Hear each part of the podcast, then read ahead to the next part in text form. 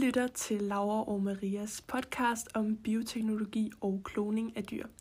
Vi skal i dag snakke om metoder af kloning øh, og genmodificering af dyr, øh, sygdomsmodeller, de her såkaldte knockout-dyr, øh, bioreaktorer og om det er etisk korrekt at påføre dyrene de her lidelser, øh, som de eventuelt kan få. Så følg med. Vi vil starte med at snakke om en metode, man kan bruge, når man til kloning af dyr, og den hedder somatisk kloning, fordi at kloningen den tager udgangspunkt i en almindelig kropscelle, øhm, som man også kalder en somatisk celle, og dertil så navnet. Og denne metode den er forholdsvis enkel, og vi vil nu nævne den her kloningsproces. Og vi tager udgangspunkt i en gris, øhm, som skal klones. Det første, man gør, det er, at man tager en celle, f.eks. hudcelle, ud fra den gris, man ønsker at klone. Grisen kaldes en donorgris, og man vil opbevare hudcellen i laboratoriet. Det næste, man gør, det er, at man fjerner en ubefrugtet ægcelle fra en so. Man fjerner cellekernen, så man har en tom ægcelle. Så udtager man nu kernen fra hudcellen. Hermed kan man sætte kernen ind i den tomme ægcelle. Ved hjælp af særlige vækstfaktorer begynder cellen at opføre sig som var den en zygote, som altså er en befrugtet ægcelle, som begynder at lave celledelinger. Efter få celledelinger sættes fosteranlægget op i livmoderen på en so, som fungerer som en rogemor. Resultatet bliver en klonet gris, der har samme DNA som donorgrisen. Denne metode blev for første gang brugt i 1996 i Skotland, hvor man klonede fåret Dolly ud fra en y-celle. Hvis vi lige skal beskrive kort, hvad de her sygdomsmodeller de egentlig er, så er der tale om genmodificerede dyr, øh, som bliver brugt som sygdomsmodeller for os mennesker, og på den måde så kan man altså undersøge forskellige sygdomme øh, hos os mennesker øh, på de her genmodificerede dyr. Øh, et andet formål med de her sygdomsmodeller, det er, at man kan blive klogere på, hvordan bestemte gener de fungerer, øh, og hvorfor at nogle gener de kun er aktive i bestemte celler i organismen. Man bruger ofte mus i disse undersøgelser, da de cirka føder unger hver tredje uge, så kan man altså nemt følge effekten af den her genmodificering. Formålet med sygdomsmodellerne er altså, at man kan frembringe dyr, som kan fungere som modeller for sygdomme hos mennesket og at blive klogere på, hvordan bestemte gener fungerer, og hvorfor kun nogle gener er aktive i bestemte celler i organismen. Så vi kan ud til de her knockout-dyr, og teknikken den går ganske enkelt ud på, at man udskifter det raske gen øh, hos et dyr med et ikke-funktionelt gen. Øh, det vil altså sige, at det raske gen det bliver slået ud af funktion. Og formålet med teknikken det er altså at finde ud af, hvilke funktioner generne de har.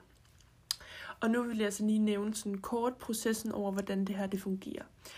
Øhm, og første del i det, det er, at de første celler, der dannes i et individ, de kaldes de embryonale stamceller.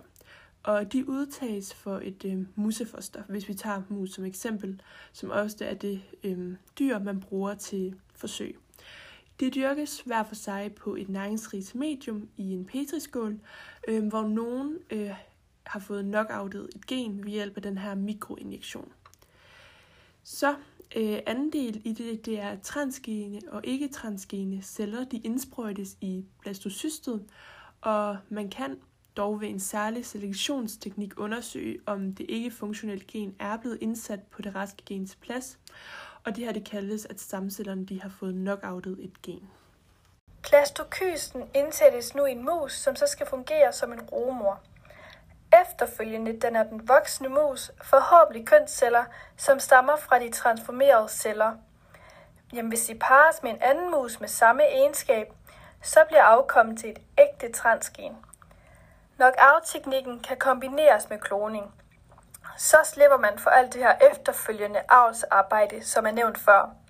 Herved kan man klone de knockoutte celler, i stedet for at indsprøjte dem i et plastokyst. På den måde får man med sikkerhed transgene dyr, da de klonede og transformerede celler selv udvikler sig til plastokysteret. Så er vi nået til de her bioreaktorer, og formålet her det er så at fremstille transgene dyr, der skal fungere som såkaldte bioreaktorer. Og man kan lidt sådan forstå det med en slags levende medicinalfabrik.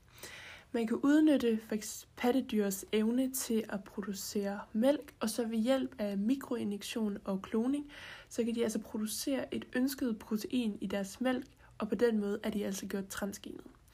Og nogle eksempler på det, det kan fx være, at man har prøvet med nogle transgenede grise, øhm, fordi de kan producere medicin til fx bløderpatienter. De har, man har også forsøgt sig med transgene køer, hvor at øhm, man har prøvet at få udtrykket det her øh, laktase-gen øh, i yveret, så de altså selv kan producere laktosefri mælk. Øh, og nu skal vi snakke lidt om den her dyreetik, der er øh, med vores aktivitet med forandring af dyrene, som for eksempel når vi fremavler øh, hurtigt og kraftigt voksne grise og kødkvæg, eller højtydende malkekvæg, øh, eller høns, der lægger mange æg, eller dyr, som der i en forskningssammenhæng påføres en sygdom. Og især det sidste øh, eksempel her med forskning af dyrene, der ligesom bliver påført en sygdom og udsat for lidelse, jamen det skaber altså en lang række etiske dilemmaer. Derfor er det dyrforsøgs tilsynets opgave at tage stilling til, om forsøgets formål egentlig retfærdiggør den her lidelse, dyrene eventuelt skulle gå igennem. Det var alt for dagens afsnit om bioteknologi og kloning af dyr. Vi håber, at I, I har fået noget ud af den her podcast, og så må I bare have det rigtig godt, indtil der kommer et nyt afsnit ud. Hej hej!